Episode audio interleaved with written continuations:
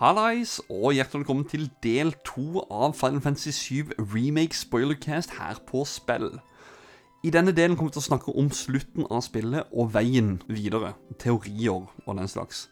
I del én snakker vi om vårt forhold til originalen og egentlig alle de andre chapterene. Så har du ikke hørt det, veldig gjerne hopp tilbake igjen og hør denne episoden før du hører denne. Er du her kun for teorier og den slags, så er det på riktig sted. Men har du ikke spilt spillet, vær så snill, ikke hør denne eller forrige del.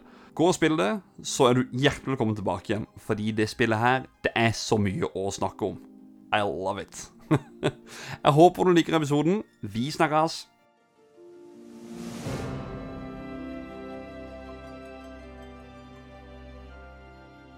Oh yeah. Da Bare for å si det kjapt, da. Vi har kjørt motorsykkel, og det var ikke Det var kult. Men eh, jeg trenger ikke si noe mer enn det, egentlig. På slutten av veien så stopper vi. Vi kan jo si at sekvensen er altfor lang, da. Syns jeg. Ja, noen syns kanskje den sekvensen er altfor lang. Eh, så kommer vi da til Destiny Crossroads på enden av veien. Mm. Christer, Da er det jo uh... hva skjer? Da er det jo eh, eh, så, Som forventa, så eh, Fra egentlig før jeg satte i disken i, i PlayStation, så kunne ikke Motorball være siste boss. Så eh, vi gjør oss ferdig med denne her eh, sekvensen, som er mer et minigame enn noe annet. Og så ender vi opp eh, på liksom kanten av Midgard, på vei egentlig ut av byen. Um, det skjer litt annerledes enn i originalen, fordi at eh, nå kommer det plutselig ei svart fjør dalende fra himmelen, og skulle du, skulle du tro det, Sefrot eh, kommer flygende inn eh, og snakker om eh, masse skjebneskitt, og eh, Eret eh, snakker om masse skjebneskitt og kaller han for at uh, han er feil og stopper Cloud fra å angripe Sefrot med en gang. Sefrot uh, vifter litt i været, og så kommer plot ghosts og danner en fin sånn uh, dome rundt hele jævla Midgard, som om det skulle vært en eh, eh, Stephen King-novelle. Um, og uh, for å snakke bitte litt til, før han liksom kutter et jævla hull i disse jævla plot ghosts og går igjennom. Uh, Eret uh, prater litt med gjengen og uh, sier hvor viktig det er at vi må stoppe, stoppe Sephiroth, og at hun frykter uh, hva som vil skje, egentlig. Og det var gjerne derfor hun nølte. Eh, hvis, de, eh, hvis de går igjennom på andre sida nå av denne portalen, uh, så vil, vil alt endres. Ja, ja. En Og, liten, en liten og så vifter du litt med armen, og så eh, plutselig så blir, går eh, porten, eller portalen, fra sort til, til lys. Så tanken er kanskje hun bruker noe holy magi. Kanskje. Uh, og En, vi går eh, Hva sier du, Arne? en, jeg må bare en liten fun fact. Det var rett før det her skjedde at jeg faktisk eh, fant ut av materiesystemet. Og, kombi og kombinasjoner. Du sendte, du sendte bilder av det, og så var det sånn Det var da vi begynte å fortelle. Nei, «Ah, i helvete, ja, du har virkelig gått glipp av Mm, noe. ja. Da, Men jeg, eh, jeg henger meg også litt sånn semi opp i den delen her, i den grad at Aeris veldig tydelig klart sier at 'jeg har ingen idé om hva som skjer, men jeg tror vi burde gjøre dette her'. Ja. Eh, det, først og fremst, gir meg ikke så sjukt mye tillegg til at dette er en person som vet alt som skjer, og vet alt som kommer til å skje. Jeg virker som en figur som har en viss idé om at noe er gærent, og vi bør prøve dette her, fordi dette virker å make sense. Og ja, hun legger jo opp til at vi skal følge etter Sephiroth, Mm. som er det Sephiroth vil at vi skal gjøre. Ja. Stemmer. Så hun Ja, men hun stopper deg jo først, og så sier hun 'This is the point of no return'. På nytt! og det, Jeg bare det 'Faen, det sa du i stad òg', så ropte jeg Ja, til TV-en. Ja, okay. Det fine er jo det at hvis ikke, hvis ikke du har fullt liv, så kan du alltid sette deg ned på benken og slappe litt av før du går gjennom den portalen der. Men en av, en av hele poenget er på en måte liksom bare å liksom sette konteksten for liksom power level, da, la oss kalle det det. Eh, for i dette tilfellet her, så ja, igjen, Aeris innrømmer at hun har ingen idé om hva som skjer, men hun tror vi bør gjøre dette her, og hun velger at vi skal gjøre det som Sephiroth vil at vi skal gjøre.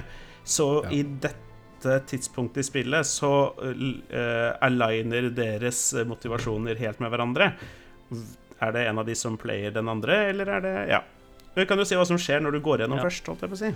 Ja, uh, du Altså, det er iallfall Dette punktet er iallfall der eh, spe, spillet setter veldig opp for uh, spilleren at her kommer det til å skje ting. Og fra, Meta dette, ja, og fra dette punktet så kan alt skje, egentlig. Sier de veldig tydelig til alle fansa.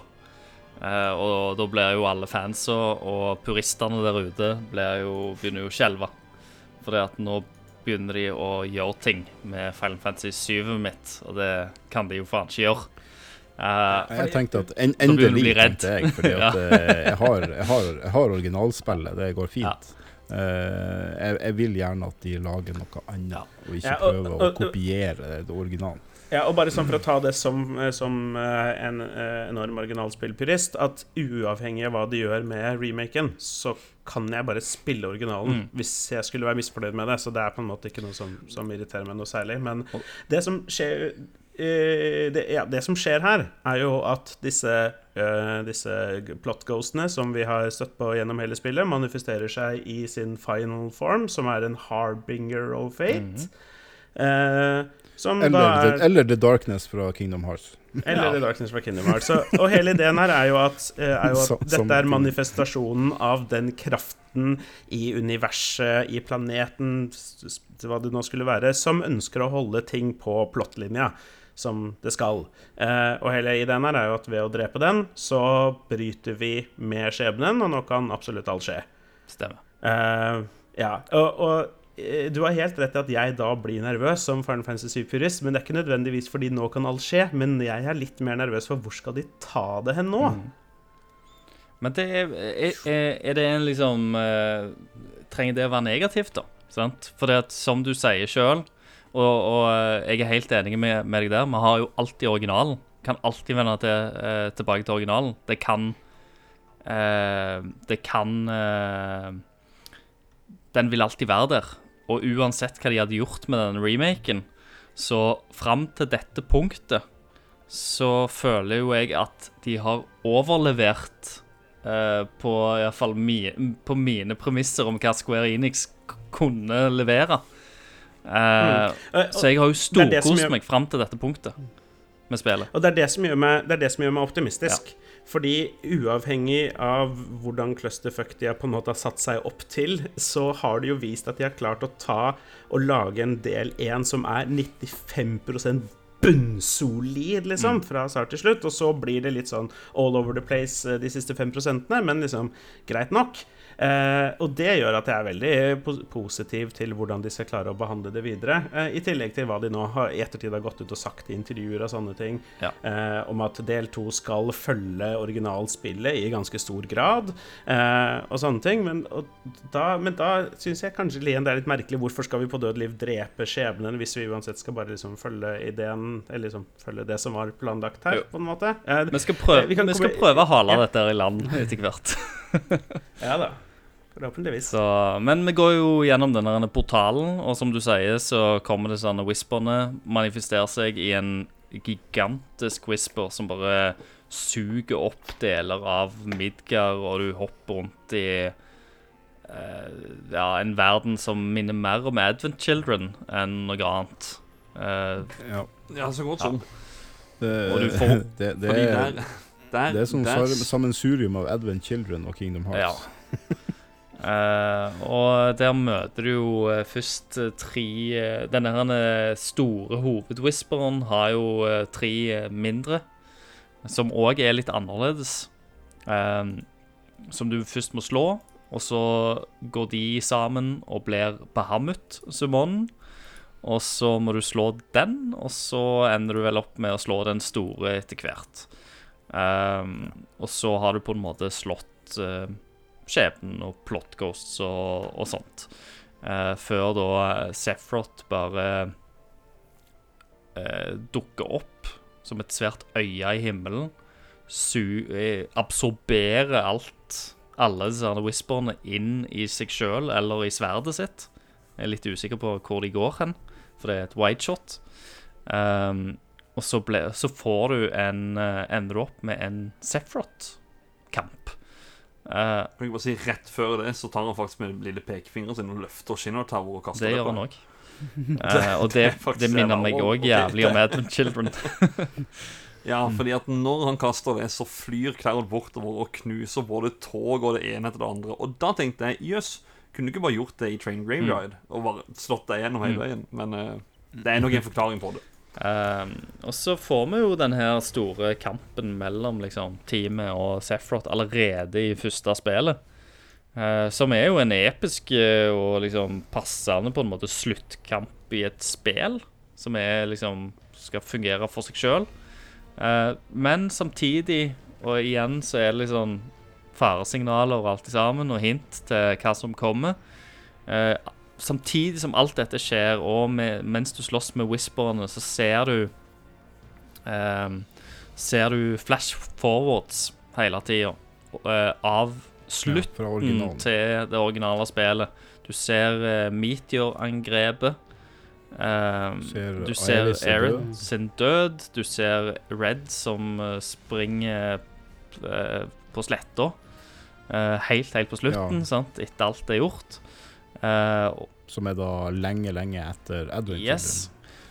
Jeg må, jeg må jo tilføye at akkurat de segmentene du ser der, er tatt bilde for bilde og lagt inn i Photoshop for å finne ut av. Det er Edwin Children-klippene. Det er bare to filter som er lagt på. Det er 100 Ja. tatt ut ifra Ja. Edwin Children. Akkurat de klippene. Så det er ganske sånn Oi. Wow. Hva, hva skjer? uh, og, uh, så får du eh, Og så ender du jo opp, da, etter du liksom eh, eh, knekker siste bossen og tar Sephiroth òg, så ender du opp med å få den der eh, spiraltunnelen som Cloud flyr gjennom, som egentlig er Cloud inni sitt eget hode, som tar sitt siste oppgjør med Sephiroth. Som er helt, helt sluttkampen av det originale Final Fantasy 7. Eh, og måten det er klippet på, er med flasher med Cloud og Sephiroth som stiller seg over hverandre. Rett før egentlig Cloud tar Omnislash og tar knekken på Sephiroth for godt. Iallfall tror han i Final Fantasy 7. Um, og, men i remaken så blokker Sephiroth alle angrepene til Cloud, selv om han tar uh, prøver å ta Omnislash på Sephiroth. -hmm. uh, som er en, en fin og flott, uh, flott sekvens. Um, før uh, Sephiroth egentlig bare slår Buster Swordet ut av Cloud og sier at uh, eh, det er ikke tida for dette ennå. Og så bare forsvinner han. Um, og så s- Ja, eh, han, han drar jo også de der eh, 'join me', Ja, ja. bla, bla, bla. Eh. Han, sp han spør òg Jeg, jeg, jeg spol, spolte over det. Men han på det tidspunktet, så før de hele tida tatt slåss, da, uh, så spør Sephiroth om han vil eh, Om Cloud vil joine han på å uh, defie skjebnen. Uh, noe Cloud da sier nei til, og vil heller slåss. For han kan jo aldri Mm. slå, slå seg sjøl sammen med Sephiroth, selvfølgelig. Um, og eh, det ligger mange hint om framtida og, og hvordan dette slutter. Én ting som er veldig klart for meg nå, er at eh, uansett uh, hva vei denne serien, denne remake-serien tar, så kommer slutten til serien å være helt annerledes enn originalen. Fordi at nå har de brukt opp så mye av de samme bildene i første del at de kan umulig avslutte det på samme måte. Ja, hele den Age of Creation-delen er jo bare en fanservice, på en måte. Ja. Uh, jeg misliker hele den delen der. Uh, Sephiroth eh, det, Jeg skjønner ikke hvorfor vi slåss mot han allerede. Eh, I hvert fall ikke noe vi kan komme inn på, det liksom hvilken versjon av Sephiroth vi slåss mot. For ja, OK, jeg bare begynner å snakke om det. Hvis dette er post-Advent Children Sephiroth, som har reist tilbake i tid, Ja. så er han eksepsjonelt powerful. Mye mer powerful enn at vi skal liksom gå toe to toe mot han i det hele tatt. I hvert fall på dette stadiet i spillet, hvis du skal se på liksom, et, liksom alle delene i sin helhet. Eh, det at vi slåss mot han i det hele tatt, klarer å slå han i en fight som han virker å ta seriøst. Liksom Det bare rubber meg the wrong way, for å si det på godt norsk. Eh, og da den der hele, hele Edge of Creation eh, over Eternity, eller hva den heter for noe, den biten der, det eh, syns jeg er litt kulere. For der har du igjen det, den, den det som kanskje like gjerne kan være den indre kampen i Claude, hvor han på en måte påvirkes av Sephiroth til å ta diverse valg og sånne ting. Som på en måte det, det kan på en måte like gjerne være en symbolsk greie, da, seven seconds till the end, og liksom lese inn det og sånne ting. Men det at han er siste bossen i spillet Jeg vet ikke, jeg bare Jeg vet ikke. Jeg syns det var litt merkelig det at man måtte slåss mot han, men ehm, Kunne spart den. Ja, jeg syns det var merkelig at du måtte slåss mot den Kingdom Hearts-bossen. og- Først, første tanken min på dette her greiene var, det, var er sam, bare det sånn samme direkteren, så jeg skjønte jo. Første tanken min var liksom Selvfølgelig, du kan ikke ha motorball på slutten. Nei, De har sagt det at det skal være Ja, jeg er liksom helt enig. en, eh, en eh, Du må ha en siste boss-fight. Altså I, i god, eh, god gammeldags eh, Final Fantasy-fashion så trenger du noe larger than life. Så da bare Mm. blåser vi opp disse herne whisperne, gir deg en sånn megaboss. Eh, og så har jo Sephiroth vært der, så eh, Fanservice, fanservice, kaster på. sant? Det er bare sånn, Ja, ja, jeg syns det er gøy, men jeg le leste ikke så mye mer inn i det eh, på det tidspunktet. Jeg, jeg bare klarer ikke liksom, rist, liksom riste fra meg å se det store bildet hele tiden, holdt jeg på å si. Eh, og ja, Mm. hvordan skal de gjennomføre de flere resterende delene når vi allerede på en måte har banka God King Sephiroth, på en måte? da? Ja. Jo, men det er jo ikke, det er jo ikke Sephiroth vi slåss mot. Tror jeg ikke. Nei, da kan vi jo Eh, begynne å snakke om Altså, det. jeg tenker egentlig om at, om at han Det, det er jo ikke Han lar det vinne, og, og, Altså- og, og så er det jo eh, de der tre De der tre fra Advent Children som du De der han ja, ja. De der Det, eh, det, det, det, er gjerne der vi Det er gjerne vi skal begynne. Da. Vi snakker litt om i cutscenes i stad. Det som jeg beit meg merke i, det var jo den Zack-cutscenen der. Ja, kan vi ta det? Vi må bare Ja. ta ting Ja. steg for steg, Ja. her Mm. fordi vi kan ikke hoppe frem og tilbake mellom de hele tiden. Uh, uh, vil, vi, vil vi ta ut slutten og så hoppe tilbake igjen, eller skal vi ta bare hele siste bossfighten og begynne å snakke om det? Og Sephiroth og hele gjengen før vi tar sekk. Hva vil folk? Nei, bare gjerne ta liksom tema for tema. Holdt jeg på å si. Ja. Eh, Vi kan jo begynne Ja. å snakke om hva vi henviser til når vi snakker om tidsreiser og Ja. tidslinjer. For det er et ganske sentralt element i å forstå hva som foregår i på en måte, Det som gjør at remaken ikke er en direkte remake. Det at remaken har to, uh, to Betydninger. undertoner. Mm. Ja, betydninger. Takk. Um, det For jeg har nemlig ikke helt falt ned på hvilken teori som jeg eh, føler sterkest for enda. Men det som det er liten tvil om, er at det eksisterer en type bevissthet av Sephiroth i nåtiden, i gåseøyne, som har kunnskap om hva som vil skje. Eh, som har en kunnskap om hvor ting på en måte ender. Eh, så er jo da spørsmålet om han har da sendt bevisstheten sin tilbake i tid, om han har en vilje som kan manifestere seg på en måte, eller om han bokstavelig talt har reist i tid. Ja, det vet vi ikke. Eh, men der kommer jo Nei, ikke sant? Det vet vi ikke. Ja, jeg tror også noe Det- sånt. Han, Fordi han har blitt, uh, han har blitt uh, Doctor Strange. Det er vel mer Ares sin uh, Det er vel mer Eris sin rolle å være Dr. Strange. Prøver han å spille ut alle de forskjellige mulige måtene å vinne på. det som på en måte er greia opp mot, eh, opp mot Advent Children, er jo hvordan han, han dør på, bak, eh, på slutten av Final Fantasy 7, Mm. men så fortsetter å eksistere bevisstheten, han- bevisstheten hans i, i livestreamen. Dette er noe som Dette er gått inn i Hva faen er det heter for noe? A Way Live- to the Smile. det- Eller To a Smile. De Eh, der. nei, ikke nei, nei, ikke, ikke Wait eh, Nei, eh, det er noe som ikke er blitt gitt ut her, som heter The, the Livestream Black and The Livestream White, eller noe sånt, noe, som er en liten sånn samling. Faen, de burde hatt der, faktisk. De er helt rå. Eh, og det bare starter med liksom det, det er mellom slutten av Final Fantasy 7 og Advent Children, hvor det liksom starter med at han er i livestreamen. Det, er- han er bare en han, men vi skjønner at det er Sephiroth. Og han merker at han eksisterer fortsatt, men ikke i den, på den måten som han vil. Bla, bla, bla, masse greier, som i hvert fall leder fram mot Advent Children, hvor han manifesterer tre vesener på jorda som kan utøve hans vilje. Og hvis han klarte da å få tak i noen Genova-celler, så kunne han med de og dette sier han direkte ut. Det er liksom der, store greier å gå inn på. Med Claude sine minner av Sephiroth vil han kunne gjenopplive seg selv, som da er det som skjer på slutten av Advent Children. Eh, men så blir han jo overvunnet nok en gang der òg. Ja. Eh, men det på en måte bare gir et bilde, litt sånn bilde av hvor på en måte sterk bevisstheten til Sephiroth er. Han, når han dør og går i livestreamen, så bare har han ikke lyst til å bli en del av planeten og lar være, på en måte. da. Jo, han er jo et uh, Han Men er han et kan barn vel ikke bli en del av eh, planeten heller, for han eh, kommer opprinnelig ikke fra planeten. Ja, han, er, han er modda, ja. OK, bare for å ta det til For å, til alle lytterne der ute. Uh, Sephiroth er resultatet av en mann og en dame som hadde sex. Det var to mennesker. Og så dessverre tok denne mannen og sprøyta masse Genova-celler inn i fosteret til Sephiroth Sephiroth mens han var i magen. Eh, ja, Så det gikk jo som det måtte gå, holdt jeg på å si. Men han er ikke en alien, i hvert fall. Nei.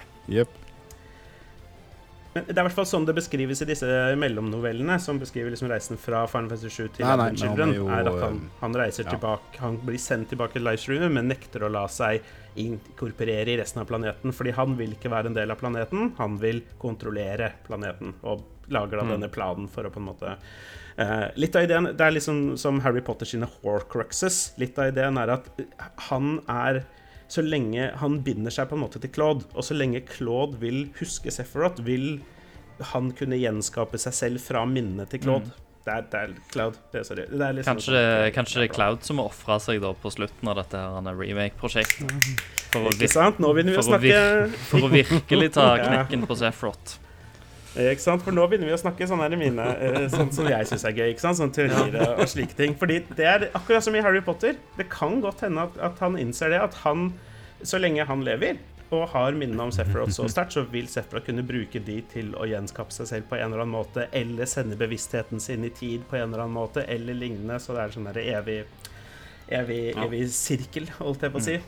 Um, ja, jeg vet ikke. Det er masse greier rundt Sephiroth. Um, men det kommer jo relativt tydelig frem at den Sephiroten vi ser i løpet av remaken, ikke er ekte Sephirot, Ja. Fordi han er i North Crater. Stemmer. Han, f han her Fortsatt, flyr, og så bruker han disse her eh, kopiene.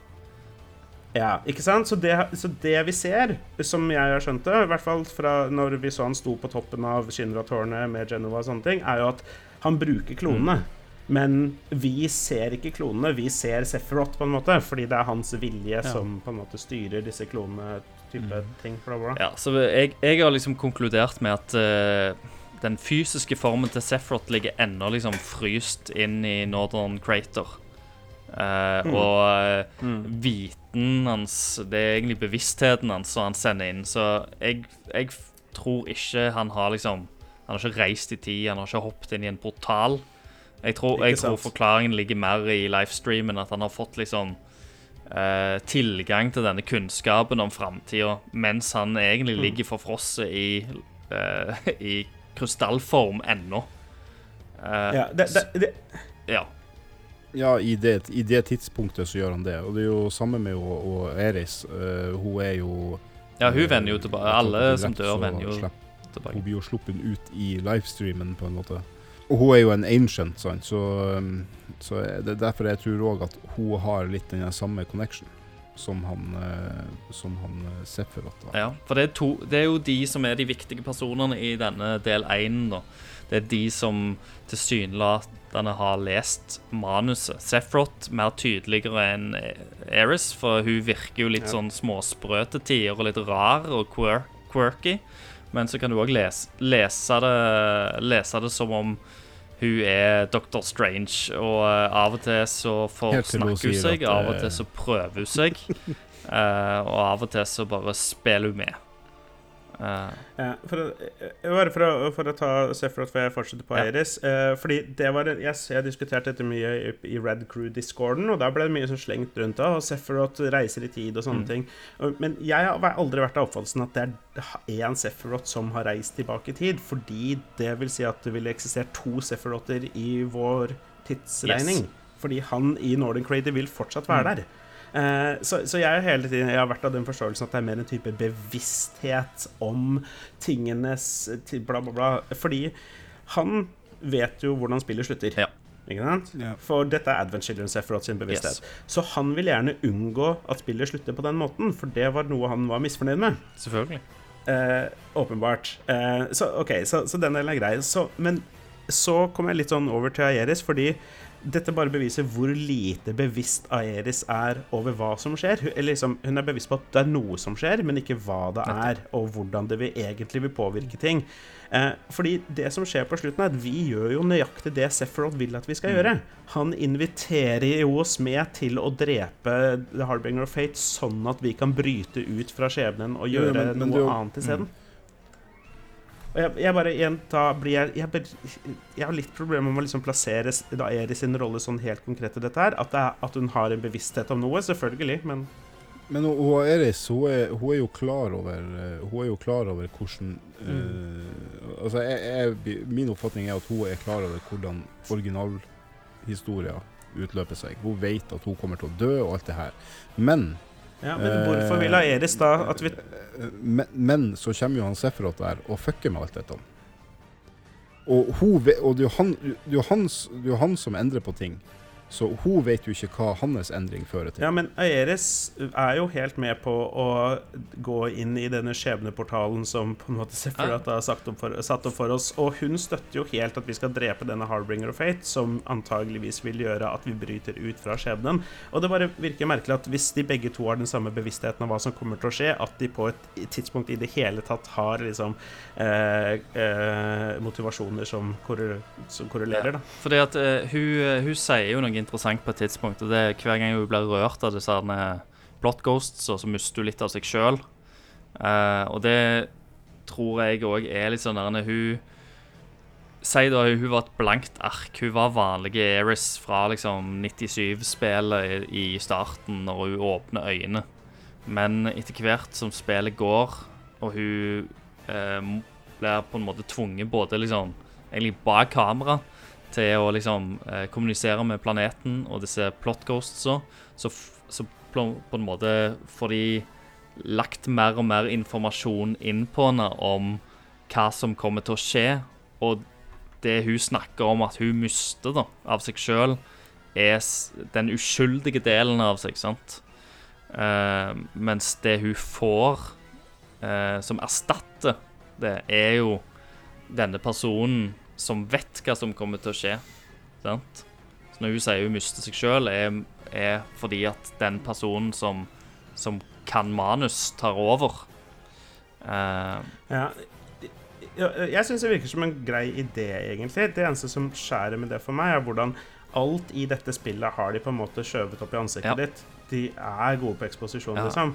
Og den eneste måten denne teorien fungerer på, er hvis det er masse greier som skjer bak scenen som vi, det ikke hintes til, og vi ikke får vite noe om, før eventuelt i en senere del. Da. Og ikke sant, Det gjør at jeg ikke utelukker det helt, fordi det er Nomura, og liksom, det kan faktisk skje. At det liksom avslører det del tre, at hun har blitt et verre menneske fordi hun har byttet tempo kunnskap. som jeg men- sier, da, det, er det, jeg syns det er veldig, veldig tydelig at hun iallfall vet mer enn hun sier. Hvor mye hun vet og sånt, er, er litt tvetydig. Men det at hun Mm. kjenner til Cloud, kjenner til Red, kjenner til Tifa, eh, kjenner til sin egen skjebne, det syns jeg er tydelig nok. Det er supertydelig at hun vet Ja, mer ja. om framtida. Ja, i hvert fall. Ja, i hvert fall til en viss grad. Jeg vet ikke om det nødvendigvis har gått helt opp for henne hvordan hun kommer til å dø, og at hun må ofre seg Nei, på ditten og datten måten, eller noe sånt. Men, men, at, men at det er dit det leder, eller noe lignende, det er jeg helt med på. Jeg, også, jeg tror også at hun har denne bevisstheten om at Claude er en person, Tifa og Barrett er en person. Disse menneskene må jeg, jeg må knytte meg til dem, jeg må beskytte dem, jeg må lede dem på riktig vei. Jeg må redde Marlene, selv om ingen har sagt til meg at jeg skal gjøre det, fordi jeg vet at det er en viktig greie. Men at hun men at hun vet hvordan originalspillet slutter. Det, det, liksom, så mye bevissthet kan hun ikke ha om tingenes tilstand for at det skal være autentisk. Da. Jeg, tror- jeg tror eh, det kan jo være òg at noe av grunnen til at hun velger å følge Hun gjør jo en endring i den portalen som potensielt kan gjøre en forskjell. Fordi at hun eh, Hun bruker jo sin egen magi. Hun sier da Kall det holy, da. Jeg vet ikke hva hun bruker. Mm. Men hun bruker den gløden til å endre portalen som Sephiroth lagde. Så hun har gjort noe med den som Sephiroth ikke gjorde.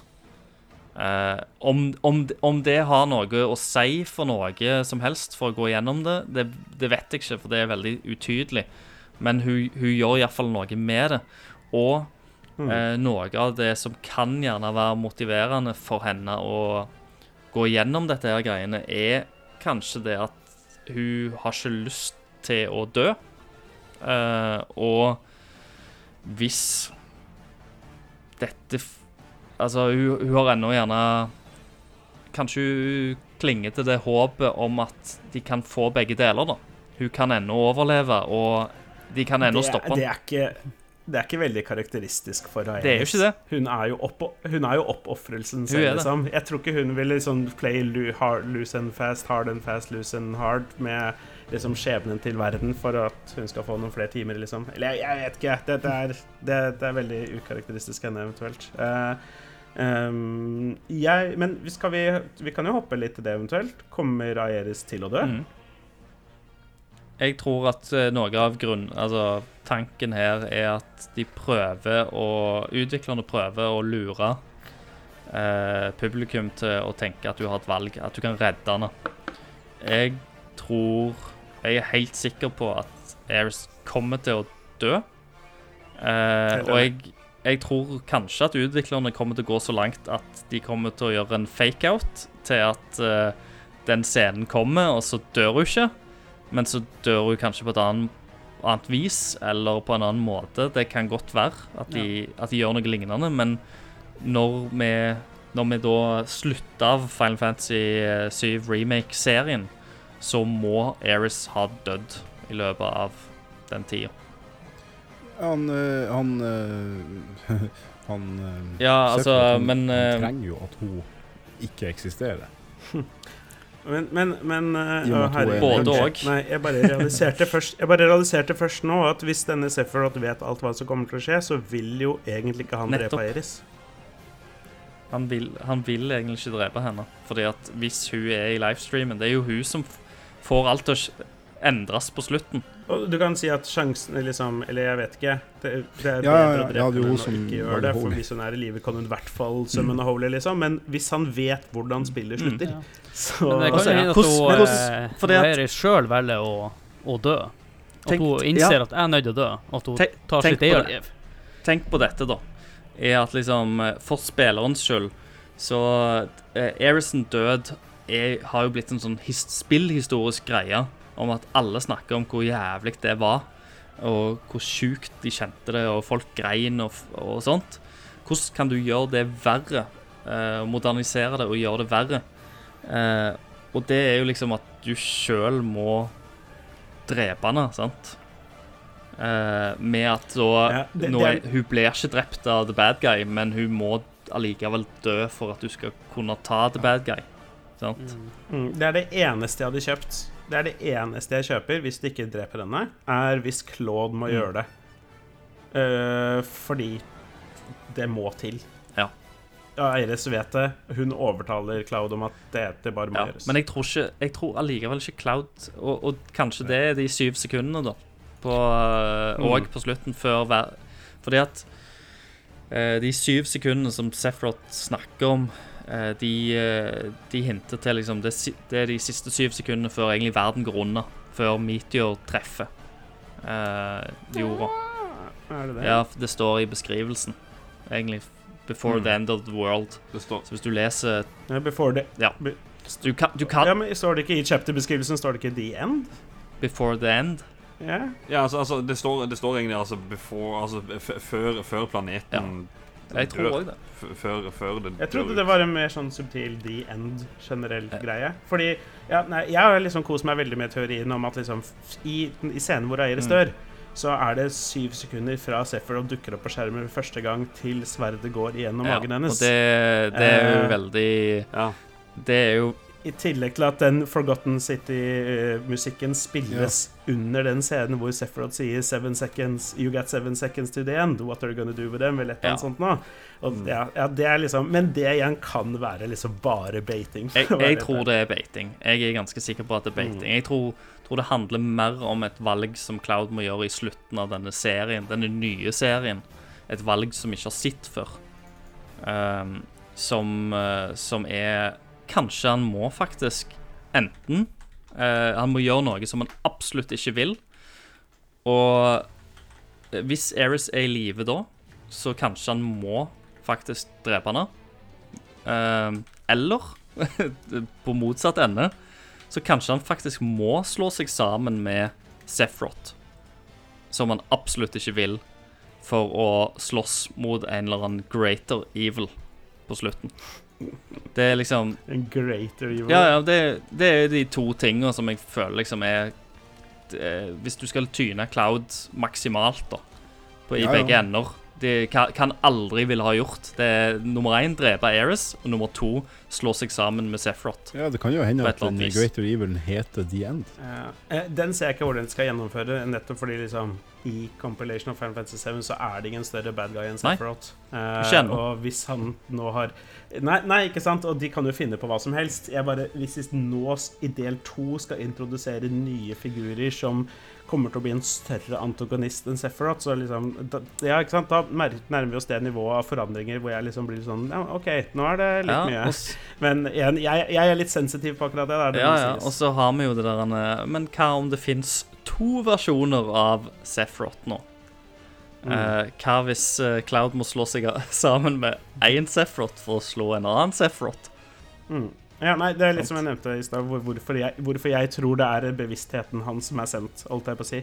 Jeg tror det kan skje den type, den type twister, men jeg heller mye mer mot at det vil involvere Jeg, Zack. tror- jeg tror nø nøkkel, nøkkel. Eh, at Hvis vi har lyst til å snakke litt om Ja. han også eh, Ja, du får ikke gjøre det. ja, for jeg, jeg, jeg tror det er masse ting de kan gjøre med twister og sånn, nå som vi på en måte har etablert med Sax in ikke-død og Stamp at det er et multiverse. Eh, så er det ting de kan gjøre der, da. Eh, hvordan gjøre Aeris sin død enda tristere? Ved at ikke bare Claude, men også Zack mister henne på en eller annen måte. Han var forelska i henne, han også, holdt jeg på å si. Og kanskje liksom på slutten av det, det siste delen, da slår Claude og Zack seg sammen for å liksom ditt og datt eller et eller annet. Det jeg er spent på å se, da, om dette multiverset Om det er liksom to separate universer, eller om pga. denne singularityen Om de har på en måte smelta sammen på et vis. Så at det fins liksom to versjoner i samme univers nå. Ja, fordi den viser jo når han Zack går jo da inn mot Midgard når de forlater, og de passerer Ja, men det er allikevel på et forskjellig tidspunkt. Ja, de, de passerer jo hverandre, men uh, hun, både han Zack og hun uh, Eris merker jo at den andre er der. Ja. Så, så ja, om det skjer på forskjellig tidspunkt, det gjør det jo, men uh, Men uh, ja, du vet jo ikke At de har merga litt sammen, rett og slett. Ja.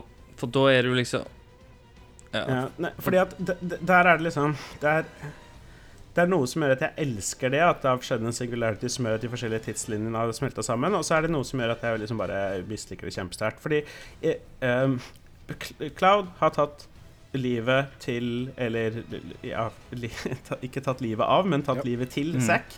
Eh, Og hvis Zack ikke dør, så blir det kanskje liksom Da kan jeg veldig lett se for meg at spillet bare utspiller seg samme, bare motsatt med de to. Hvor det er Zack som på en måte blir kjent med Tifa, jobber med Avalanche, hopper av toget i den første scenen der og Mm. sånne ting. Eh, eh, så Jeg har problemer med hvordan de skal på en måte ta og smelte de to sammen. For det er bare ett Buster Sword, og vi vet at det er Cloud som har det. Eh, samtidig så kan de Samtidig kan de gjøre sånn helt sjukt kule ting med å smelte sammen tidslinjene. Det har jo blitt snakka masse om hvordan Jesse hadde lyst til å bli en skuespiller og sånne Stemmer ting. Hvor kult hadde det ikke vært det? Du kommer deg til Goldsaucer for andre gang når du skal på date, og så stikker du, og så skal du se det skuespillet.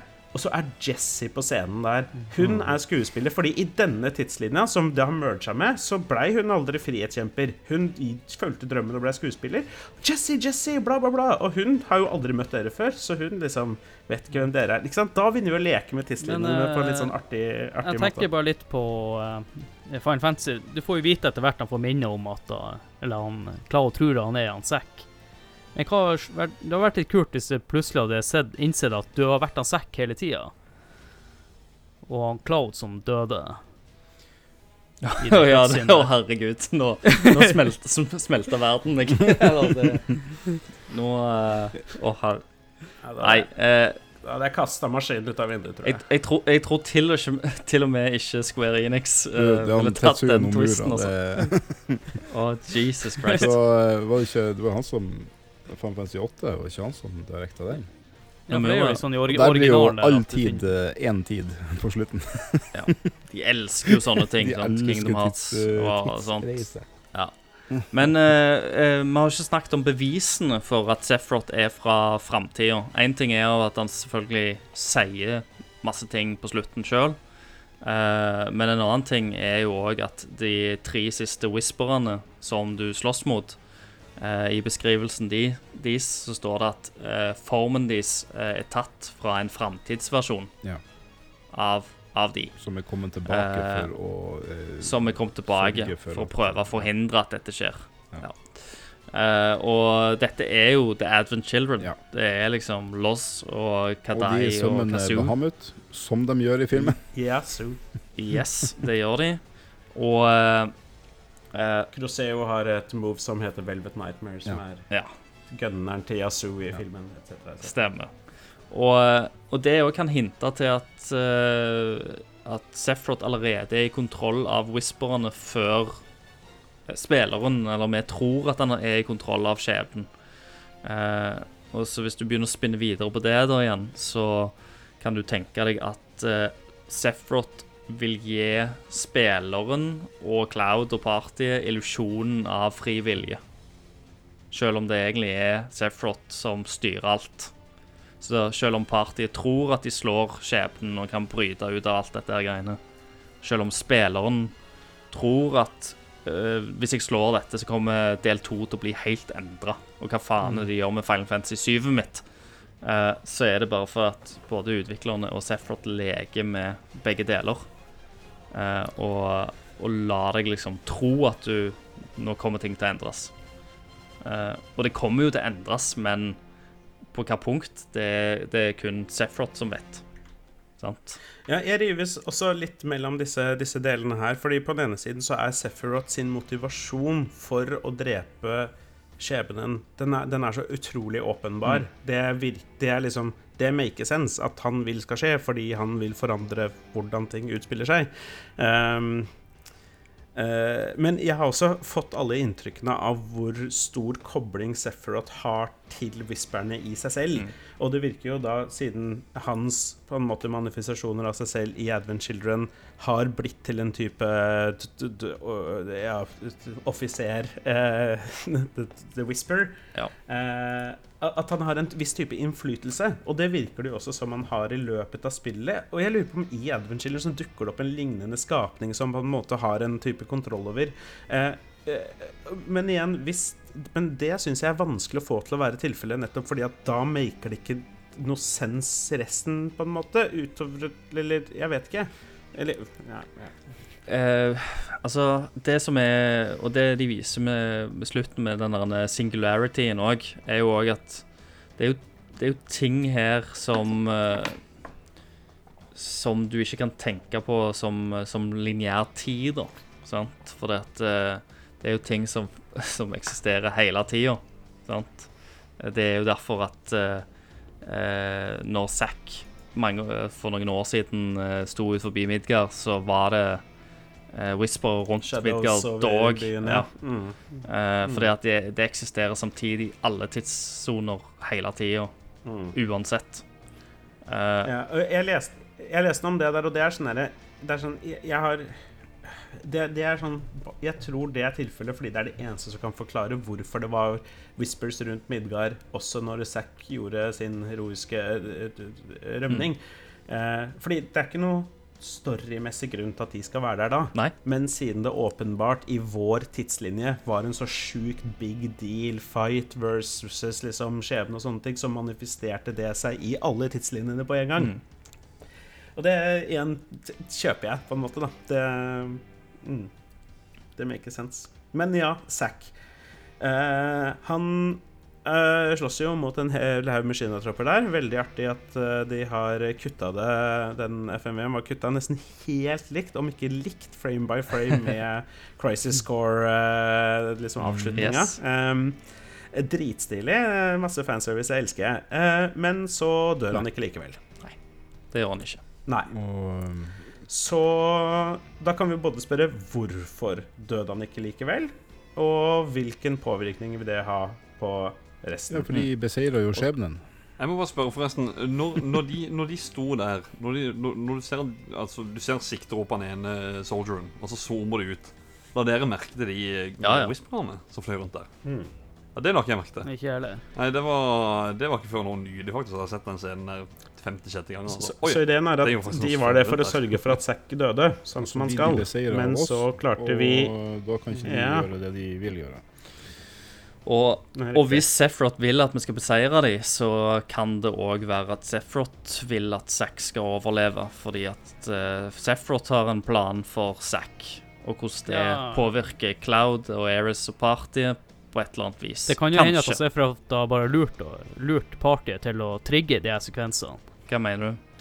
Ja, at uh, Sephiroth er avhengig av at partiet skal gjøre det de gjør akkurat nå, for å trigge Vi gjør, vi gjør jo all dirty jobben hans. Ja, Ja, ja, det, gjør det, dirty ja, det, jobben. vir- det virker jo veldig så Mm. at de, de gjør akkurat det han vil. Ja. Mm. Ja, for det, går på mange av disse eh, flashbacksene og visions man har i løpet av spillet, også til hvordan sånn, spillet slutter og liksom masse forskjellige ting. Eh, hvor disse kommer fra.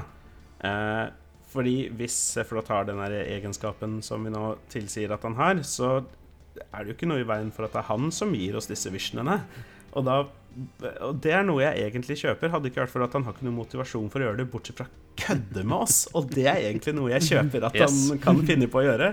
Jeg vil bare fucke med huene deres. La meg vise dem. Hvor mye kødder ikke han i det originale spillet med en gang eh, han Mm. teaser med det der bildet Første gang du ser Zack, og bare liksom eh, Når du står der i den der brennende byen, og Cloud eh, egentlig sier Eller Tifa sier til Cloud at ikke hør på han, og så sier Cloud ja, det går greit, jeg vet han er bare liksom Han er ute er etter the mind liksom. games, det er bare illusjoner, det er sånn han Mm. opererer. sant? Det er liksom veldig karakteren til Sephiroth å være liksom den slangen og den manipulerende fyren. da. Eh, så jeg òg syns det er jævlig gøy, da. Hvis det, hvis det er det de har henta fram. Men nå har vi toucha inn på del av liksom de største tingene. Um, hva med at vi tenker litt på hva som skal skje i del to? Mm. Em, der er det en del forskjellige muligheter. Uh, men i originalen skal vi ut på et world map. Uh, jeg vet ikke om vi skal gå inn på sånne mekaniske ting, holdt jeg på å si. Uh, Jeg tror det blir veldig Final Fantasy 10. Mistenker jeg. Ja. Soner. Ja. Og sånn Worldmappet blir ei liste isteden. Kanskje Altså, jeg, jeg bare tenker de har, de har brukt så mye tid på å lage Midgard så stor. Eh, du forflytter deg jo atskillig mye lengre i resten av spillet i originalen. Mm. Så, Mm. så jeg tror ikke det kommer et uh, world Jeg er veldig spent, for at hele spillet her er jo veldig lineært. Og så skal vi få det Jeg, åpne jeg har en sånn semi-liten run på den her jeg kan ta med en gang. holdt jeg på å si Fordi det er liksom jeg har hørt på andre snakke om hvor mange deler det skal være, og tre og kanskje fire og sånne ting. Og jeg er litt sånn Hm. Det neste som skjer, er sjukt mye. Vi skal eh, eh, OK, kjapt. En kul måte å starte den neste delen på hadde vært å starte i flashbacket til med Claude og Sephiroth bak i den der bilen når de skal til Nibelheim og fikse den reaktoren og sånne ting. Eh, det hadde vært bare en kul måte å liksom sette standarden på, gi nye spillere en, på en måte en kontekst, og la oss andre kaste liksom rett inn i det. Lære mer, finne ut av mer bak og sånne ting. OK, så skal vi til Chocobo Farmen, vi skal over Marsen, vi skal gjennom Mithril Mines, vi skal til Fort Condor hvis vi vil, vi skal til Junon, vi skal til Costa del Sol, vi skal til Corell, Corel, vi skal til Gold Saucer, vi skal til Cosmo Canyon, uh, Gongaga hvis vi vil, og så kommer vi til Nibelheim. Liksom, dette var vel elleve punkter eller noe sånt nå? Og det er bare til Nibelheim. Yes. Uh, det er sjukt mye vi skal igjennom, og, og da blir Ja, ikke sant? Du er, vi er ennå på disk 1 i originalen. Og, og, er sånn- og ennå så er et- folk et- sure på at uh, du ikke fikk hele jævla spillet på På én gang. gang. ja. ja, ikke sant? Men jeg bare tenker sånn, når de har gjort såpass mye ut av Midgard, så eh, Det blir jo føles som en letdown hvis de ikke Altså, noe må vike. Og da er jeg spør hva vi må, da? vi må gjøre det på For en smart måte. Fjerner de kostholdet i solen min, så blir jeg en Ja, jeg òg blir grinete sur, da. det Nei, kan ikke de sant? gjøre. Problemet er at jeg- jeg- Altså, samme, samme med, med, med Fort Condor. Jeg ser for meg hvis de lager det like skikkelig, at du, bare, at du får en skikkelig Eh, battle der. det som er problemet for meg, er at jeg jeg, Som du kan jeg sier det til alle de tingene jeg er nødt til å ramse opp. De kan jo ikke kutte ut det. Det er jo selvfølgelig fordi jeg er ekstra glad i alt som var der fra før. Men det er jo også fordi liksom Hvordan skal de kutte ut noe av det? Ja. I det hele tatt? Og ta Junon, da, Men- som i spillet er en dritsvær by. Nå har de jo muligheten til å gjøre Mm. den faktisk ganske stor, og den har minst like mange områder som det Midgard hadde liksom direkte i originalen, men de kan jo ikke gjøre Junon til et 40 timers område, liksom. Nei. Hvis du, hvis du skulle ha delt eh, Final Fantasy 7-remaken opp i tre deler, da sant? Det naturlige eh, stoppepunktet er når Aeris dør. Det, der er del to. Og så er del tre ut spillet. Men eh, det er jævlig alt for mye mye. som skal skje. Alt for mye. Det er mye. Ja, ja, det, det, det er ikke sjans, liksom. La oss si at Midgard originalt er fire-fem timer eller noe sånt, bare for å slenge det ut her, og dette spillet er 35-40. Eh, og det er bare Midgard. Og vi skal igjennom så mange ting. ikke sant? Jeg kan fortsette etter Nimland. Det er Rocket Town, og så kan du stikke til Butai hvis du vil, og så er det tilbake til Gold Saucer, og så er det Temple of the Ancient og så, og liksom, Det er så mange ting du må igjennom. Og det er så mange Det er ingen av disse tingene jeg føler de kan kutte ut. Eh, eh, og Nei, men eh, gre Greia er jo nå at uh, nå kan jo hva som helst skje, fordi at du har jo Altså, de, de er jo sånn director-messig ja. fri nå. Kitasa har, sa det, jeg har den kvoten her. We're not drastically changing the story and making it into something completely different than the original. Even though it's a remake, please assume the story of Final Fantasy VII will continue as Final Fantasy VII always has. Mm. Jeg har en annen greie på det også, som var eh, Final Fantasy VII Remake Part 2 will continue as the story always has. De har liksom gjort en stor greie ut av dette. Selvfølgelig, det kan være baiting. De vil lure meg til å liksom bli komfortabel tenke ja, ja, dette går fint, og plutselig i del to så har vi begynt å jobbe for Shinra, liksom. Jeg har ingen idé.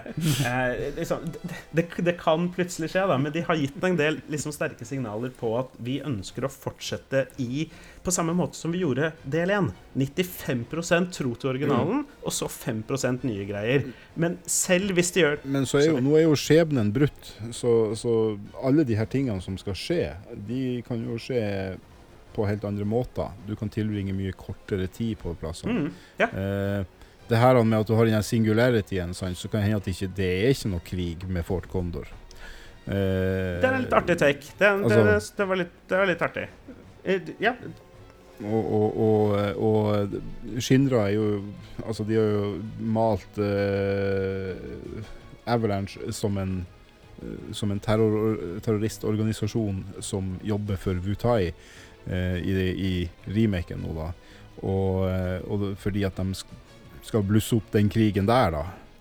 Eh, altså, det er så mye forskjellig annet som kan skje nå. da. Ja, Wutai Mm. Jeg bare bør jo, og Avalanche bør jo òg følges opp i spillet videre, og bør være en Mm. stor del av spillet videre. Sant? Så i tillegg til å fortelle alt som de bør gjøre fra, de, fra det originale, så, må, så har de mye bagasje òg som de nå setter opp med eh, nye ting. Men, men eh, tre Nei. episoder, det holder jo ikke. Så Nei, nei. Det, det var vel sagt en gang i tida at de uh, aima for tre episoder. Det var da jeg med en gang tenkte OK, ja, en, en episode per disk, men uh... Jeg følte egentlig bare det var ryktespredninger i forhold til at det var tre disker originalt. Okay. okay. ok. mitt, mitt spørsmål OK, er OK. ok. Veldig kjapt, Adrian. Beklager. Kitase sa We have a rough idea on that, but it's not been completely decided yet. It's impossible to talk about this right now. It seems that many people think it will become a trilogy. It all depends on how many parts we make, yeah. said Nomura. If you separate it into bigger chunks, it will take more time, but if you take smaller portions, it can be done on a shorter span. Personally, I would like to deliver it fast. Ja, og spørsmålet er kost, Skal alle de her koste 600 kroner? Blir vi en... Ja, det driter jeg i. Jo, jo, jo, men det, eh, det ja, litt ja, morsomt å ja, tenke på at man uh, her kjøper et spill som blir å koste en konsoll. Jeg bare tenker i det større Ja, bildet. Du gjør, du gjør ikke det, det er Adrian. Nå, det er jo nå, kjøp, nå sier du bare akkurat det samme som denne kritikken har sagt mot denne sånn bullshit-kritikk. For eh, de sa jo òg at det, del 1 ikke skulle være et fullverdig spill. Og det vi har fått ut av del 1, er absolutt verdt de 600 kronene jeg betalte for det. Og jeg betaler ja, glatt Ja, det er jævlig 600 kroner til for en, en del som er like, har like Det, mye det, det, innhold det, er som det. eh, det er ikke det som er kritikken min. Eh, Det er bare å tenke Er det folk i eh, blå skjorte som tenker at her skal vi tjene mest mulig cash? Nei. At vi kanskje ender opp med seks deler? Nei, nei, nei. nei, nei. Nei. Nei. Nei. Jeg tror dette her her er kjærlighetsbrev til altså, Ja. De skal lage et bra Det er så mye Ja. content. Det er så sinnssykt mye er greier. Ja, hvis du skal modernisere det Og- de kan bygge så mye måte. på ting, og eh, det, det eh, eh, og, og Altså, de, de har jo klart å gjøre um, uh, sånn episodespill riktig, Square Enix, eller i hvert fall underfirmaene deres. Så, så jeg, jeg har trua på at de klarer å um, lage et bedre sånn episodemønster enn ja, si Hvelv, da, som Men, men det interessante her er at at de har gjort det interessant også. Jeg vil jo vite hvordan det her går videre. Det er som Christer og alle dere sier, at eh, jeg kjøper også glatt neste spill. Ingen problem. Det er ikke Mm. pengene det står på. Men det var bare det. Jeg, Ja. jeg er kanskje litt redd hvis de det, skal tyne ut for lenge, det Kan, kan jeg ikke bare kjøpe noe sånn Square Enix Season Pass Ja. eller noe? Bare sånn derre 15 000 Ja. i året, og så bare automatisk laster jeg ned det de lager. Det hadde vært fett. Faktisk. Final Fantasy 7 Season Pass.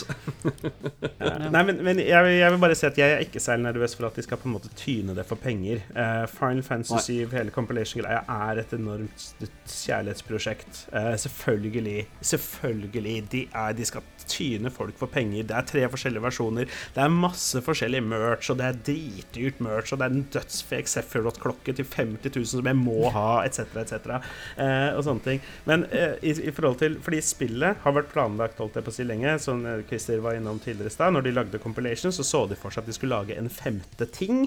Nå hva enn det skulle være. Eh, og så gikk det tid, og det var i forbindelse når de begynte å planlegge 25-årsjubileet til Final Fantasy-serien, at de tenkte hei, vi må finne på et eller annet. Den er Final Fantasy 7-remaken, den har vi ikke lagd.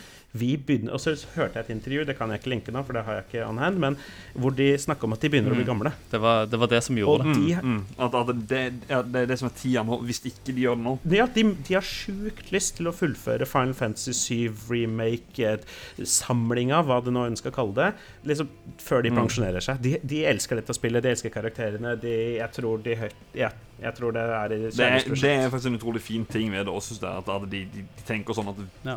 Altså, vi er gamle, Eh. vi må gjøre det nå. Hvis ikke vi gjør det nå, så er det for seint. er, og så er de jo eh, Nå er de jo òg ferdig med Kingdom Hearts 3, eh, som han Nomura òg hadde. Og, eh, så, så han er jo frigjort uh, mye tid nå. Nå er det jo kun Final Fantasy 7-prosjektet. Men jobber alle med det her prosjektet, eller er det noen som jobber med Final Fantasy 16? Eller blir ikke få Final Fantasy 16 til 2030? Ikke annonsert ennå, men jeg regner jo med at de holder på med det.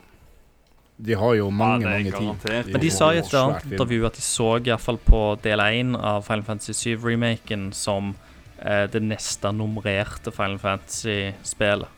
Vi skulle i Ok. iallfall se på det som det. Fordi at eh, de, de hadde like mye ressurser tilgjengelig som, som de ville ha putta på et, eh, et nytt eget Final Fantasy-spill. Og da kan vi jo gå inn i teorier igjen, mm. siden Ja. kanskje det passer bra at det heter Final Fantasy 16, da. Metasplit timelines og Men uh, ja, er vi fornøyd? Ja, det har nå vært Ja, tidenes lengste episode. Altså, det kan jo Ja, det var et eller annet som jeg Ja. nevnte her som jeg hadde en quote på, som jeg ikke husker helt hva var for noe. Som jeg ikke finner, eh, finner lenger. Én ting som fra fra, eh, fra Ultimania Book-intervjuet, eh, som jeg syns er litt stilig, er Kitase snakka om i forhold til hvordan ting skal gå videre. Da han ble spurt av Hvis vi følger remake story, den, så må det også bli en del forandringer i det neste. Og så sier han at jeg har snakka masse om dette her, but I'm, firm, but I'm sure fans of the original are expecting to re revisit familiar location and scenes, so we have strong feelings to not stray away from that. From here on out, we're not drastically changing the story and making it into some, com something completely different than the original. Even though it's a remake, please assume that Final Fantasy VII will still be Final Fantasy VII as usual. Og i- i- hva er det de nesten legger opp til her? Selvfølgelig utover at det kan være baiting, så kan spillet bare utspille seg mye som før, og så skjer det noen enorme forandringer i de siste 5% av hver del, og så ja, Og så kommer alt det sammen helt- til slutten. Ja, helt til slutten og sånt nå. Men uh, det Altså, mine liksom antagelser for neste del, da, er at jeg tror vi kommer til å se et mye åpnere spill. Jeg tror de kommer til å ha lyst til å gi spillerne den følelsen de fikk når de forlatte Midgard i originalspillet. Når du ble liksom sluppet ned i en åpen verden og tenkte å, shit, det er, det er så mye å gjøre. Det, verden er så stor. Den tror jeg de ønsker liksom å å fortsette med i del to nå. Um, så jeg tror ikke del to kommer til å være veldig lineært. Det kan godt være at det starter Jeg håper nesten det starter med Nibelheim, som, eh, som du sa, Philip. For det tror jeg er en veldig smart åpning på spillet. Uh, men jeg tror at de vil eh, fort få spillerne ut i i en mye åpnere verden. Om det blir en totalt åpen verden, om det blir gigantiske soner, hvem vet. Men vi kommer til å se noe som er med mye mer liksom, frihet enn i del 1. Som òg gjør at del 2 skiller seg fra del 1. Eh, og at de òg kan tweake litt på battlesystemet og få ting til å liksom, være litt annerledes. Mm.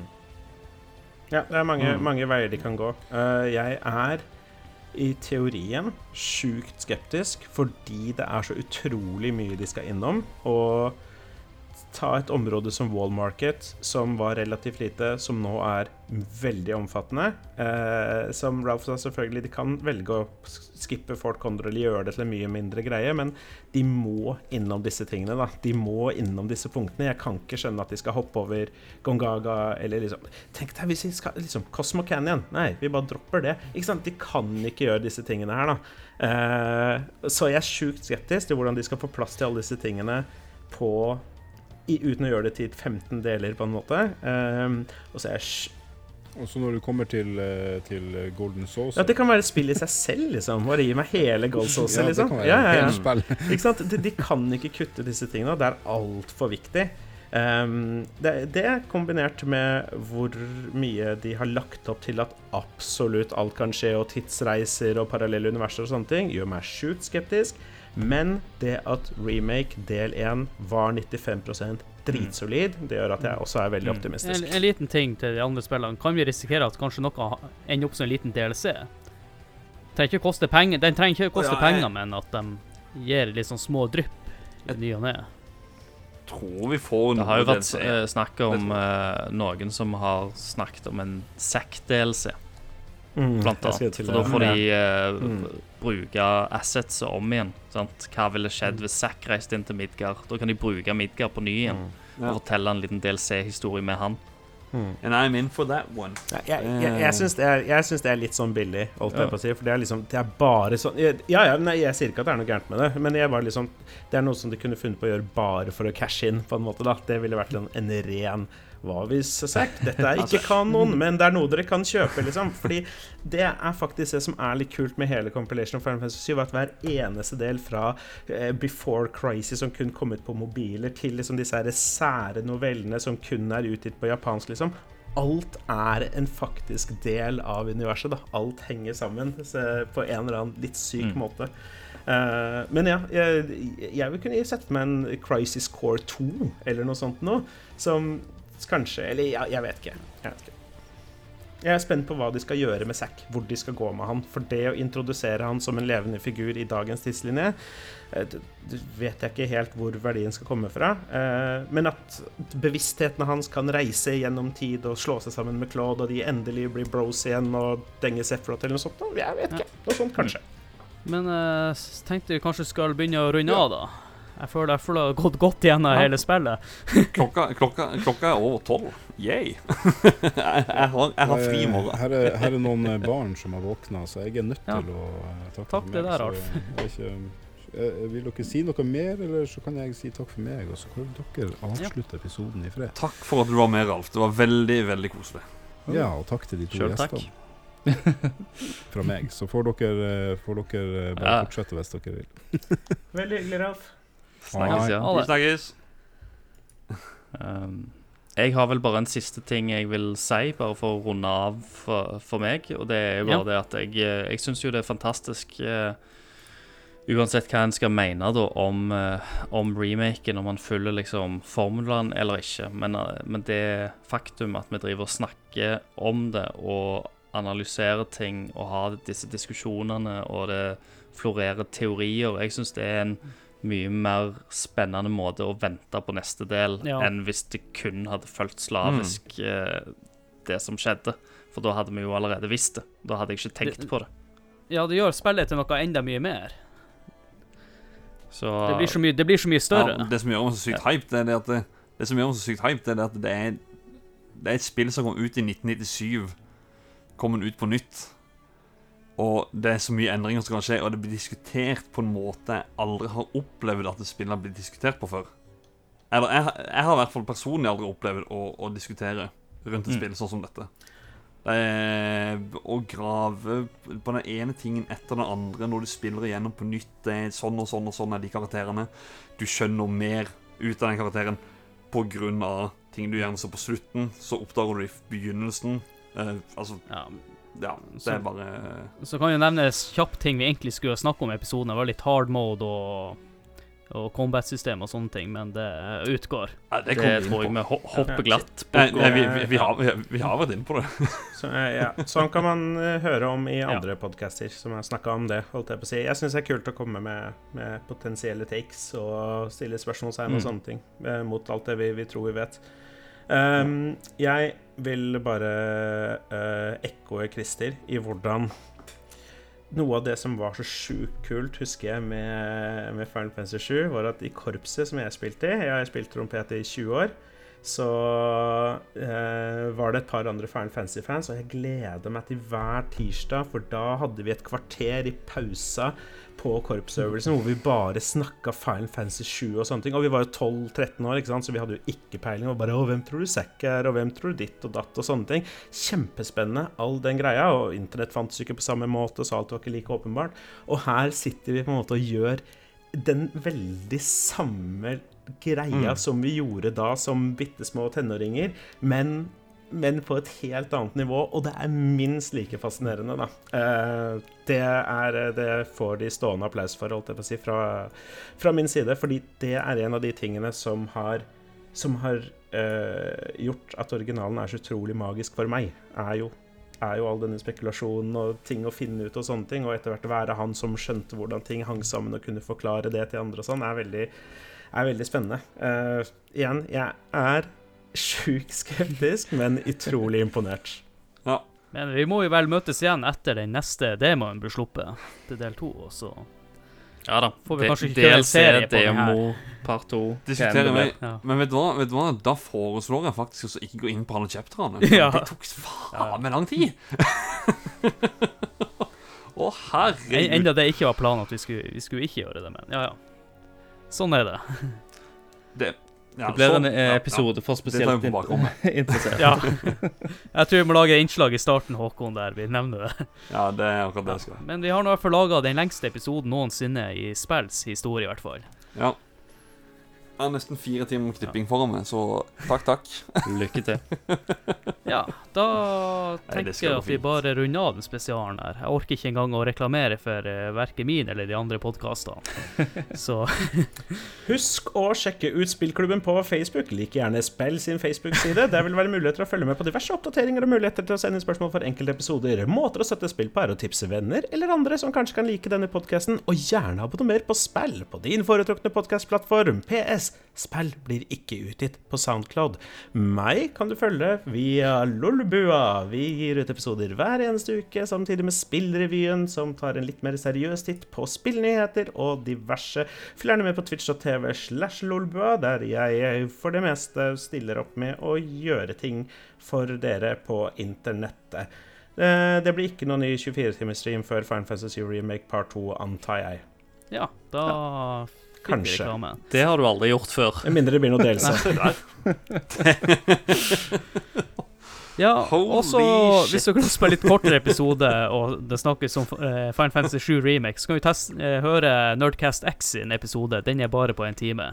Ja, Så- Der hopper vi rett i uh, teoridelen med en gang. Ja. De var flinke. Takk for at uh, dere lyttere en- orker ennå å høre på denne episoden. Og da er det bare for meg å takke av gjestene. Og så jeg kan jo begynne med han i eh, Faen, dere begge to er i Oslo. Vi, ja, i Oslo. vi er begge i Oslo. Vi kan jo si takk til deg, Christer, for at du eh, ble med. Jo, takk for jeg fikk eh, være med. Det er jo alltid gøy, det. Å få diskutert og høre litt hva andre har fått ut av dette her greiene. Og så vil jeg si takk til han Philip, som også er i Oslo. Jo, tusen takk for at jeg ble invitert igjen. Eh, Jeg syns det er alltid gøy å snakke om alt som er relatert til Final Fantasy 7. Eh, Det blir mer Final Fantasy 7 originalspillet på Spim fremover også. Jeg gleder meg masse til å spille det på nytt. Det er jo gjort på noen timer, så det går jo greit. Um, jeg syns det er kjempespennende å snakke teorier og sånne ting, så det har jeg satt veldig pris på. Uh, gjør det mye i, i andre communities, men uh, veldig artig å få gjøre det på norsk også. også. ja, det, du er inne på engelske forum. Ja, Eller spanske oh, ja, eller franske. Hva vet ja, Kanskje jeg ikke vil avsløre det. Og så vil jeg si eh, takk til Håkon, som har arrangert denne episoden. Yes. Takk for meg. Jeg holdt på å si vi snakkes neste gang, men eh, det gjør vi ikke, for da skal du være med Philip her, faktisk. Uh, Heroes 3-episoden. Så, Men gangen etter der så er jeg tilbake igjen. Mest sannsynlig. Ja. Så Ja, mest sannsynlig, ja.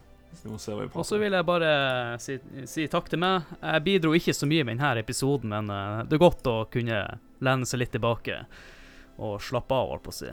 Og da er det bare for meg å si ha det. Ha det. Ha det bra. Heyo!